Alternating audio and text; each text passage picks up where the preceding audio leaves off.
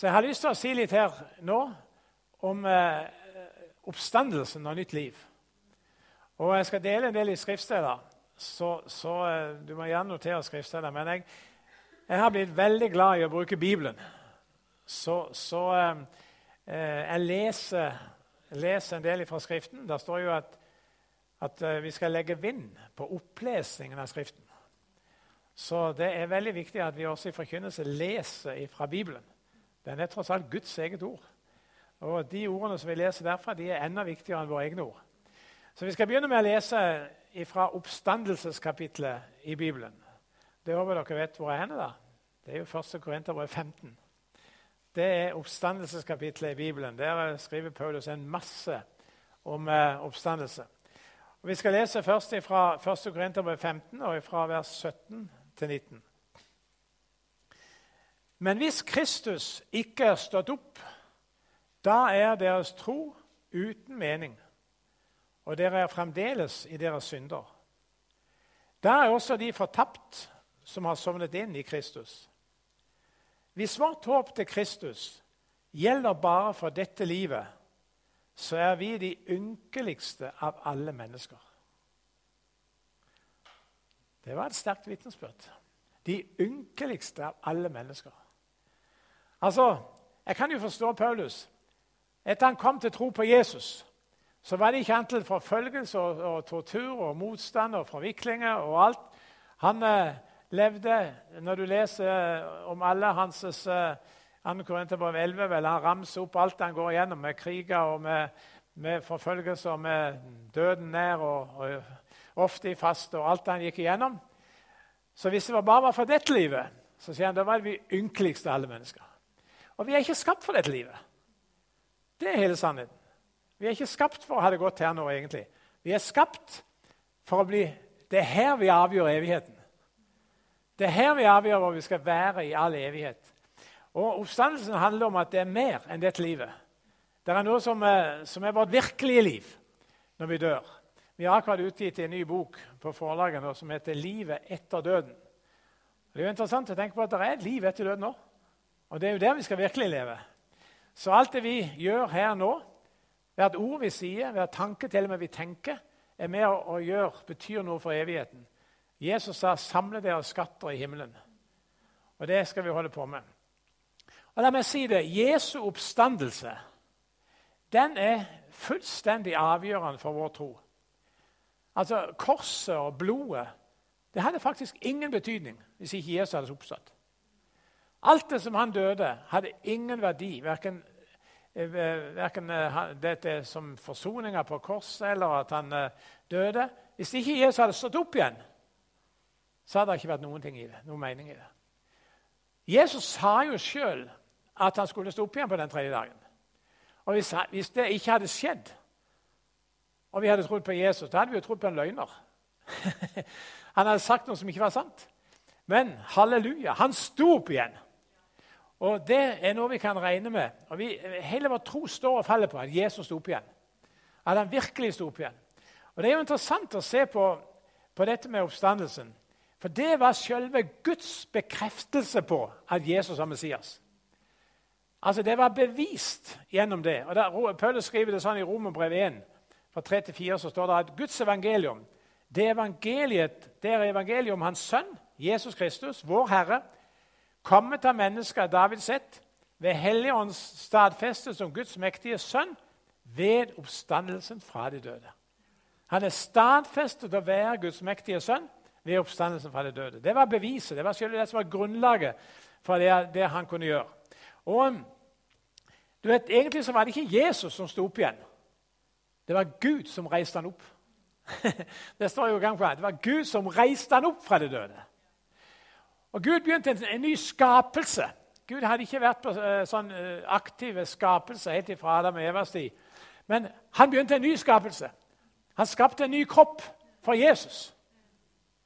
Vet, det er jo veldig interessant å tenke på det at når Jesus sto opp, så var det ikke hans jordiske kropp, kropp som egentlig sto opp.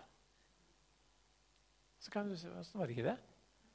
Jeg mener, det er jo veldig, jeg syns det er så interessant å se hvordan eh, når, når Simon Peter og, og Johannes vet du, de løp bort til grava Og så står det i Johannes 20, 6-8 Så kommer Simon Peter etter ham, altså etter Johannes da, og han gikk inn i graven. Og han ser linklærne ligge der, flatt ut. Svetteduken som hadde vært rundt hodet hans, den lå ikke sammen med linklærne, men var foldet sammen på et sted for seg sjøl. Nå gikk også den andre disippelen, altså Johannes, som hadde kommet først til graven, han gikk også inn. Han så og trodde. Altså, Det som de så der, det var så sterkt at Johannes så og trodde. Hva så de? De så at linklærne lå der uten kropp. Kroppen var borte vekk, men de lå der akkurat som han. Jeg vet ikke om noen av dere har, lest om linklær i Torino. er dette her. Og, og, jeg mener Det er jo fantastisk. altså. Her er det en person som bare Elektrosjokk eller sånn plutselig er borte. Er vekke. Og hadde, du vet, Det står jo om, om Lasarus. Når han sto opp, så sier Jesus Løs han og la han gå. jeg mener, De var jo tvunnet med linklær. her, så det var jo, jeg mener, Hadde Jesus stått opp den kroppen som var, så lå jo, ville jo linklærne ligge i en haug for seg sjøl. helt uh, det, det hadde jo vært veldig rotete. Men de lå der. Jesus forsvant, men han oppsto. Halleluja! og jeg synes Det er så herlig. vet du, han, altså Gud ga han en ny kropp, men det var den samme Jesus. Han hadde fremdeles nagleverkene. Han hadde fremdeles sidesår. Han var et fullt menneske. Jeg mener, Han spiste fisk sammen med dem. han hadde kveldsmåltid sammen med dem. Han var fullt ut menneske. Han var den samme Jesus, men med en, et nytt herlighetslegeme. Han kunne gå rett igjennom lukte dører. De var livredde for at jødene så, så de hadde låst dørene, men han gikk rett igjennom. Han satt og spiste sammen med dem, og plutselig forsvant han. Det var Jesus, men det var en, en annen Jesus på en måte. Og jeg må jo si at når, eh, når, når Paulus forsøker å forklare dette Det er jo interessant og han forklarer dette i uh, dette oppstandelseskapitlet. det 15. La oss gå tilbake til 1. Korinterbrev 15. Der står det fra vers 35. Men noen vil si, hvordan blir de døde oppreist? Og hva slags kropp står de opp med? Du dåre, det du sår, blir ikke gjort levende uten at det dør. Og når du sår, da sår du ikke den skikkelsen som skal bli, men en naket korn, om det er hvete eller annen kornslag. Men Gud gir det en skikkelse slik han vil, og til hvert frø en egen skikkelse. Det er også himmelske kropper og jordiske kropper. Men de himmelske har én herlighet, og de jordiske har en annen herlighet. Jeg mener Det blir en fantastisk opplevelse når Jesus kommer tilbake igjen og skal rykkes i sky. Tenk på det at når vår, vår jordiske kropp den er kanskje ligger begrava, og, og, og, andre drukner ut på sjøen Der, Men Gud han kjenner hvert eneste DNA. Halleluja! Han vet hvor alle ligger. Og så Vi som ånd, ånda vår den er i himmelen sammen med Jesus og fryder oss der som ånd. Men den ånda som er i himmelen, den har jo ingen kropp. Den er ånd. Men kroppen vår ligger i jorda eller et eller annet sted hvor vi døde. Og så plutselig, når, når besunen lyder, når røsten lyder fra Herren, så skal ånda vår forenes med kroppen i en herlighetskropp. Halleluja! Sånn som Jesus fikk. Da skal vi få nye kropper, men det skal stemme med DNA-et. Halleluja! Vi er ett. Vi er en ny kropp. Altså, vi, vi, er ny, vi, er samme menneske, men vi er nytt menneske samtidig. Halleluja! Som Jesus han var det samme mennesket med alt det som var. Og Så blir det jo herlig at den kroppen antagelig er bare 33 år gammel. Det, det står da ikke i Bibelen, men de fleste bibelforskere regner at vi kommer til å oppstå i en ung kropp. Omtrent sånn på, på 33 år. da. Det var jo det Jesus var. Så, så mener, det, det, er jo en herlig framtid å kunne se. Og når vi skal rykkes opp i skya og møte Jesus og så skal vi komme ned sammen med han. Jeg synes Det som står i 1. Tessalonika 3.13, der står han skal styrke deres hjerter til å være ulastelig i hellighet fremfor vår Gud og Far ved vår Herre Jesu Kristi gjenkomst med alle sine hellige. Skal du være med da? Ja, det håper jeg du vil. da skal vi komme til Jerusalem med Jesus sammen med, sammen med han. Halleluja! I nye, herlige kropper. Halleluja! Jeg tror de Barna de er 33 år, og de gamle de er 30 år. Så mener, halleluja. De er sterke, sunne mennesker som kommer der i en herlighetskropp, som har samme evne som Jesus. Det går gjennom stengte dører og så forsvinner fra et sted til et annet. og alt det der. Men vi er der sammen med han. Og så skal vi herske i tusen år sammen med han. Det blir jo spennende. Halleluja. Og du vet du hva? Betingelsen for at vi kan være med der, det er at vi er født på ny, at Guds ånd bor i oss. Det at vi er født på ny, at Guds ånd bor i oss. Det er betingelsen for at vi kan, kan være der sammen med Han når Han kommer med alle sine hellige. Halleluja. du vet. Paulus var veldig bevisst. Han sa at for meg er det bedre å dø. Døden, altså, Livet er Kristus. Døden det er en vinning. Han så fram til det som kommer. Han sier i 2. Korinterbrev 5, 4-8 Jeg skal ikke lese det, men han sier vi er i teltet. Vi sukker og stønner og er nedtynga. Men så sier han at, at vi, vi, er ved godt mot, og vi vil heller flytte bort fra kroppen og være hjemme hos Herren. Halleluja. Jeg, tror, jeg må bare si det, jeg tror at vi som kristne er altfor mye glad i det livet her. ja, Det mener jeg veldig oppriktig. Jeg tror vi er altfor glad i dette livet her. Det gjelder å se framover.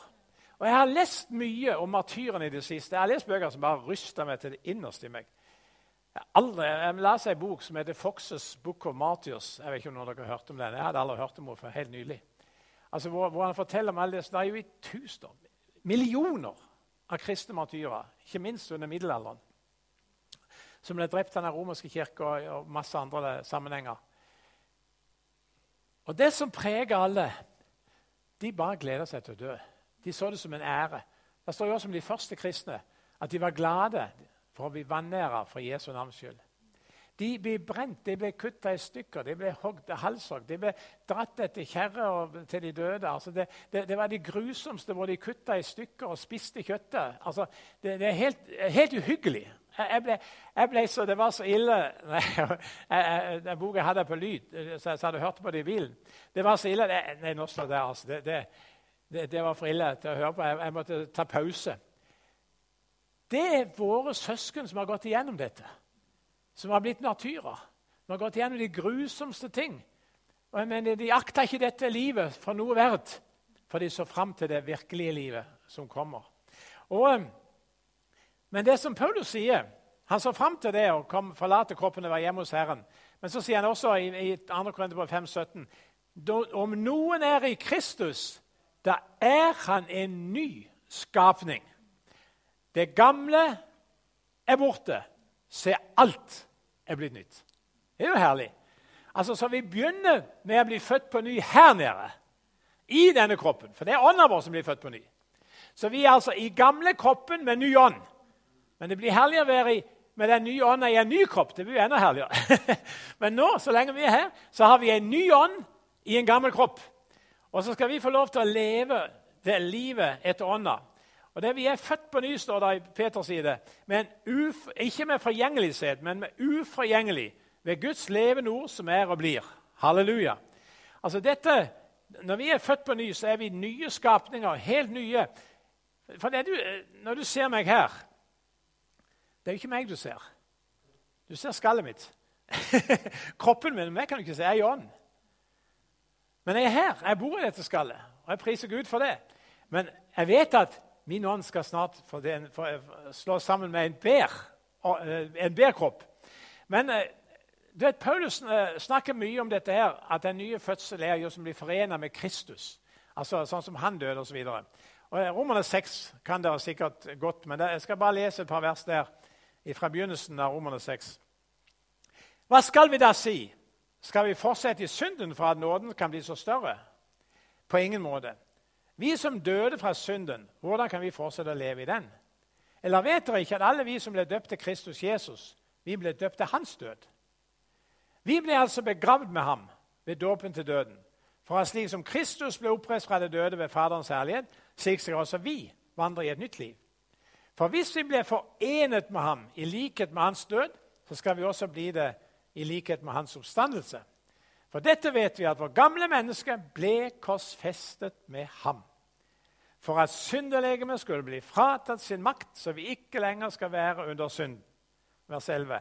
Slik skal dere også regne dere som døde for synden, men levende for Gud i Kristus Jesus vår Herre. La derfor ikke synden ha herredømme i deres dødelige kropp, så dere skulle lyde deres lyster. Og fra Kolossene 2,12.: For i dåpen ble dere begravet med ham, og i den ble dere også oppreist med Han ved troen på Guds kraft, som reiste Kristus opp fra det døde. Halleluja. Altså forena med Han i døden, begravelsen og oppstandelsen. Og Jeg tror det er så viktig at vi får lov til å leve i denne bevisstheten om at vi er Hans barn allerede her. Fullt ut. Altså, Nå er vi Guds barn, leser sier Johannes. Og Det er ennå ikke åpenbart hva vi skal bli, men vi vet at når Han åpenbarer, så skal vi bli lik Han. Gleder du deg? Det gjør jeg. vi skal bli lik Han. Og eh, når, når Johannes skriver om dette, så sier han det f.eks. i 1. Johannes 3, og der han skriver jo mye om dette, om den nye fødselen. Men han sier det er hver den som er født av Gud, han gjør ikke synd. For Guds sæd blir i ham. Han kan ikke synde, for han er født av Gud. Og 5.12. Vi vet at den, hver den som er født av Gud, synder ikke. Der står det den som er født av Gud, vokter seg selv, og den onde rører han ikke. Altså, Det er et element av vår, villighet til å ville leve uten synd. Altså, Det er ikke noe som alltid skjer automatisk, for, for det at vi har en kropp som, som drar mot det onde. Er vi er fremdeles i verden. Den, den, den, vi har fremdeles dette bindeleddet til denne verden her. Derfor må vi være på vakt. Men halleluja, Guds ånd den leder oss til å følge ånda vår og ikke følge kroppen vår. Det er jo det som er den daglige jobben, sier Paulus i Romerne 8, 13. er det vel. Og Han sier det vi skal drepe kjøttets gjerninger gjennom ånden. Så du er en daglig manndraper. altså, Vi skal være med å drepe kjøttets gjerninger ved ånden. For det er ånden som skal herske, som skal styre våre liv. Og jeg, jeg er veldig glad for det at jeg mener, Det er jo fantastisk at den ånd som er i oss når vi er født på ny, det er Guds ånd. Men det, det er nesten for mye til å være sant. Altså. Det, når du leser i 1. Korinterbrev 2, 10-12, så står det Gud har åpenbart det for oss ved sin ånd. For ånden den ransaker alle ting, gir også Guds dybder. For hvem iblant menneskene kjenner de ting som hører mennesket til, uten menneskets ånd som er i han? Slik er det heller ingen som kjenner de ting som hører Gud til, uten Guds ånd. Men vi vi har ikke fått verdens ånd, men vi har fått den ånd som er fra Gud, for at vi skal kjenne de ting som er gitt oss av Gud. Tenk altså, at vi skal få den samme ånd som er i Gud, skal vi ha i vårt indre. Sånn at vi kan kjenne Guds tanker, det som er i Gud. Det er jo altfor godt til å være sant. at vi skal være der og få lov til å ha Hans ånd i vårt hjerte, så skal vi leve her i en syndig verden med det. Jeg må si at det, det, er så fantastisk å kunne få lov til å leve dette livet. Og eh, Når vi ser hvor herlig vår fremtid er, og hvor vidunderlig det er, så er jo det vi lengter etter at mennesker skal få lov til å oppleve det. Og Spørsmålet som jeg tror er viktig at vi stiller oss, det er også kan vi vite at vi er født på ny. For det er jo selve nøkkelspørsmålet her. For det er bare de som er født på ny, som kan bli med. Og eh, hva er det som avgjør det? Jeg tror det er veldig lett egentlig å si det ut ifra Bibelen. Det er avgjørende hvem er det som styrer livet ditt. Hvem er det som er kommandanten? Hvem er det du tjener? Hvem er det som er herskeren i livet ditt? Er det Gud? Legg merke til, altså, Jeg tror ikke det er noe med følelser å gjøre. Mange, mange, mennesker er så opptatt av dette, at de skal føle at de er frelst. Jeg mener, Om du føler du er aldri så frelst, du kan gå rett til helvete. Følelsen frelser deg ikke. Men det er bevisstheten om at Jesus er Herren din. Det er det som skal skape noe. Tryggheten i at du har gitt alt til Han. Du har overlatt alt ditt liv til Han. Han er Herren. Da kommer du til himmelen når du føler godt, føler godt eller føler dårlig. For han, han, skal ikke komme og si Kjenner du at du er frelst, så skal jeg ta deg opp. Nei. altså, Han går etter på frukten skal tre kjennes. Han følger meg. Han gjør min gjerning. Han skal hente. Altså, Det er jo interessant. Jeg pleier å si det sånn at vi er frelst av nåde, men vi skal dømmes etter våre gjerninger. Altså det, det er hva nåden har gjort i oss. Og jeg, eh, når Paulus når vi sier hvem er det som skal, Hva betyr det å være leder av han? Der syns jeg Paulus forklarer det veldig klart i Efeserne 2. De fleste kjenner Efeserne 2, 8. Vet dere hva som står der? 2,8 er sånn nøkkelvers for mange. Av nåde er dere frelst ved tro. det er ikke av dere selv, det er en Guds gave. Men det kapitlet begynner med fra Efeserne 2,1. Så står det Også dere gjorde han levende, dere som var døde i deres overtredelser og synder. De som dere en gang vandret i etter tidsånden i denne verden, etter fyrsten over luftens makt, den ånd som nå er virksom i ulydighetens barn. Hør her. I disse levde også vi, Paulus inkludert.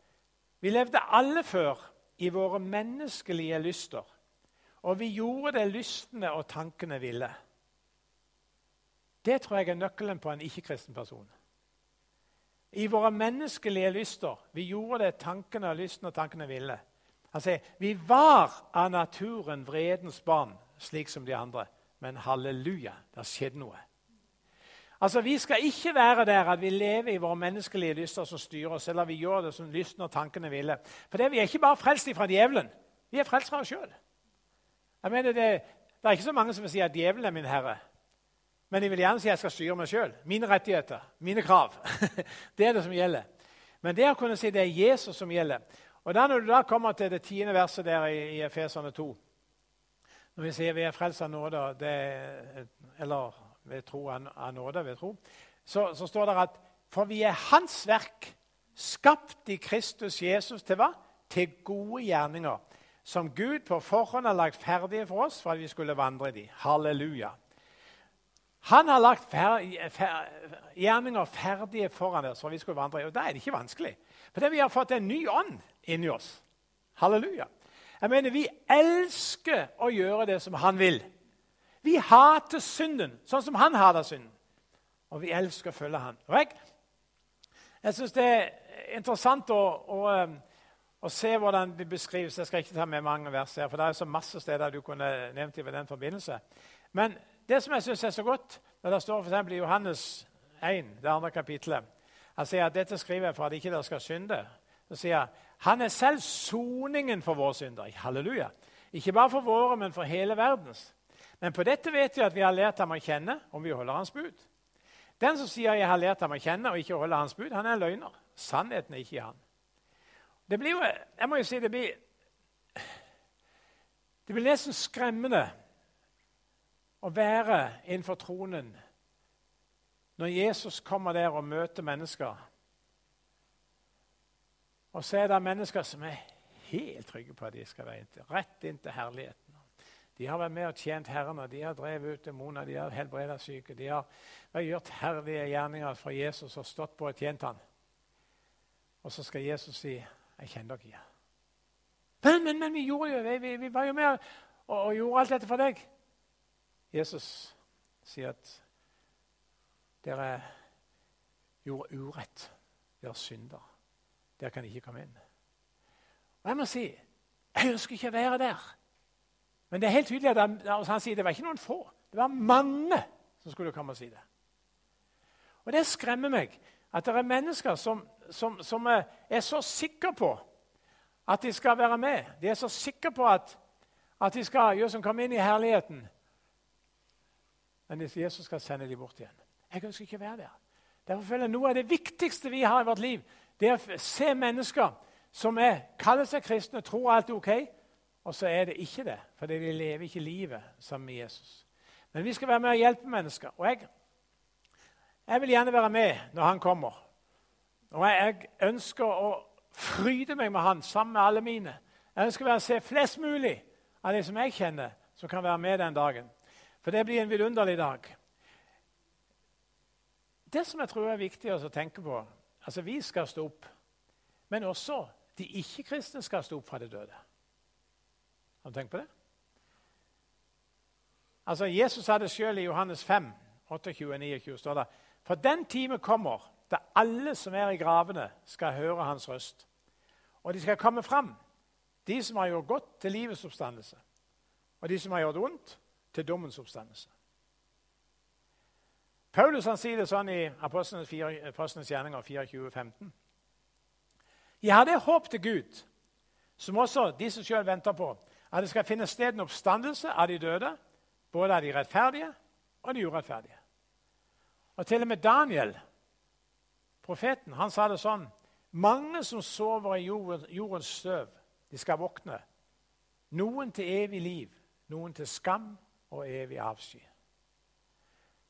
Det blir en forferdelig oppstandelse for de som ikke kjenner Jesus. Og eh, De som skal være med i den første oppstandelsen, det er de som er Jesu disipler, de som har gjort opp sin sak med Gud, de som følger Han. Vi skal få være med i den første oppstandelsen. Og når du leser Åpenbaringsboka 26, så står det Jeg så troner, og noen satte seg på dem, og det ble gitt dem kraft til å holde dom. Deretter så jeg sjelene til de som var halshogd for Jesu vitnesbyrds skyld og for Guds ords skyld. De som ikke hadde tilbedt dyret eller hans bilde, og som ikke hadde tatt imot hans merke på pannen eller hånden. Hør her. De levde og regjerte med Kristus i tusen år. Halleluja.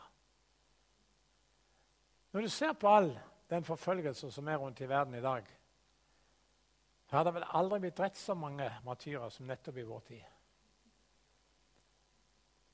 Men jeg tror ikke vi skal være så trygge at de aldri vi heller kommer til å oppleve det. Vi kan også få kjenne det på kroppen. Men det er så mange som kommer ut fra en vanskelig situasjon, og de skal leve og regjere med Herren i tusen år. Men så står det men de andre døde de ble ikke levende igjen før de tusen år var omme. Dette er den første oppstandelsen. Salig og hellig er den som har del i den første oppstandelsen. Over dem har den annen død ingen makt. Og de skal være prester for Gud og Kristus, og de skal regjere med ham i tusen år. Halleluja. Jeg er spent på åssen det blir. Halleluja. Vi skal herske og regjere med ham i våre herlighetskropper i tusen år. Jeg skal si Det, det, det blir ikke bare å, sitte og synge lovsanger i himmelen. Altså. Det blir masse å gjøre. Det har jeg sagt mange ganger. Det kjenner jeg. Altså, det blir en fantastisk opplevelse å få være sammen med Herren i evigheten. Å være med og, og, jobbe sammen med Han. Og når, når, Derfor er det så viktig at vi har våre navn skrevet i livets bok. For det er det som avgjør. Og jeg må si at det, det, det er så jeg syns nesten det er litt skremmende å lese i oss når, når, når, vi leser f.eks. i uh, Åpenbaringsboka 3 om menigheten i Sardes. hvor det står du har navnet av å leve, men du er død. Og så står det senere der at han snakker om å stryke navnet ut av livets bok. Tenk at det er mulig. Tenk at Jesus åpner muligheten for det. Altså, Det går an for han å stryke navnet ut av livets bok. Gud hjelpe oss. hvis Vi aldri kommer dit. For det har med livet vårt å gjøre. Vi skal leve og bevart hos Han. Og han eh, Det å være Ha navnet av å leve, men å være døde. Det er alvorlig. Andre mennesker tenker sikkert at det er jo en fantastisk menighet. og det går kjempebra der. Og så står det du har navnet av å leve, men du er død. Men så står det i vers 4 der samme, du har noen navn også i Sardes som ikke har flekket til klærne sine. Halleluja. Midt i den menigheten så var det noen som ikke hadde flekket til klærne sine. Og Det er min bønn at ikke noe må flekke til klærne våre. For der står den som seirer, han ble, skal bli kledd i livets klær, nei, hvite klær. Og jeg skal slett ikke stryke navnet hans ut av livets bok. Men jeg skal bekjenne hans navn for min far og hans engler. Halleluja. Jeg ønsker å være der. At han kan bekjenne mitt navn innenfor englene. Vi kjenner ikke framtida. Jeg tror det er vanskelig for oss å sette oss inn i alt det som skal skje. Men vi vet i hvert fall at når de tusen år etter ende, så kommer den store dommen for den hvite trone. Og Der står det i åpenbaringsboka 20, 13-15 står det havet ga, ga, fra seg de døde som var i det, og døden og dødsriket ga tilbake de døde som var i dem. Og de ble dømt hver etter sine gjerninger. Deretter ble døden og dødsriket kastet i ildsjøen.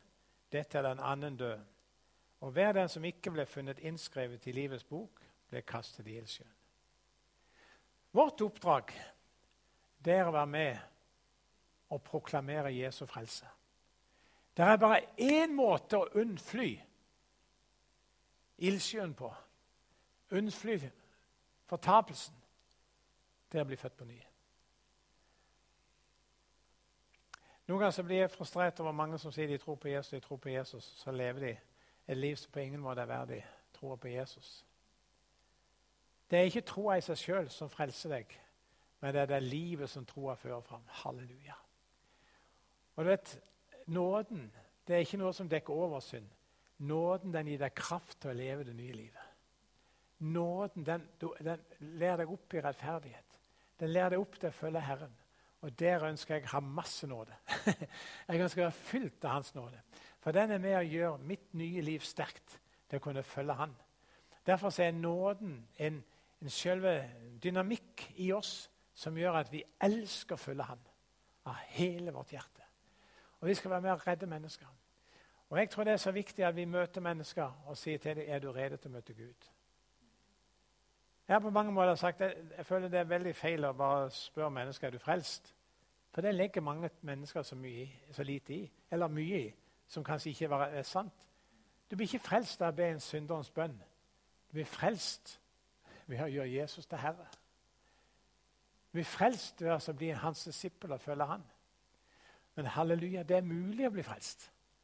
Vi kan få lov til å tro på Han, vende om ifra synder og få tak i det evige livet. Og vi skal hjelpe mennesker. Jeg, jeg tror det er egentlig mer enn å spørre folk om de er frelst, og spør er du rede til å møte Gud. Det er det det handler om. Er du rede til å møte Gud? Er du rede til å stå innenfor Gud i evigheten? Og halleluja, der skal vi være med og forkynne. Der skal vi være med og lede mennesker fram til en forståelse av at de er rede til å møte Gud. At de kan få en lengsel etter oss å komme hjem til herligheten. Oppstandelse.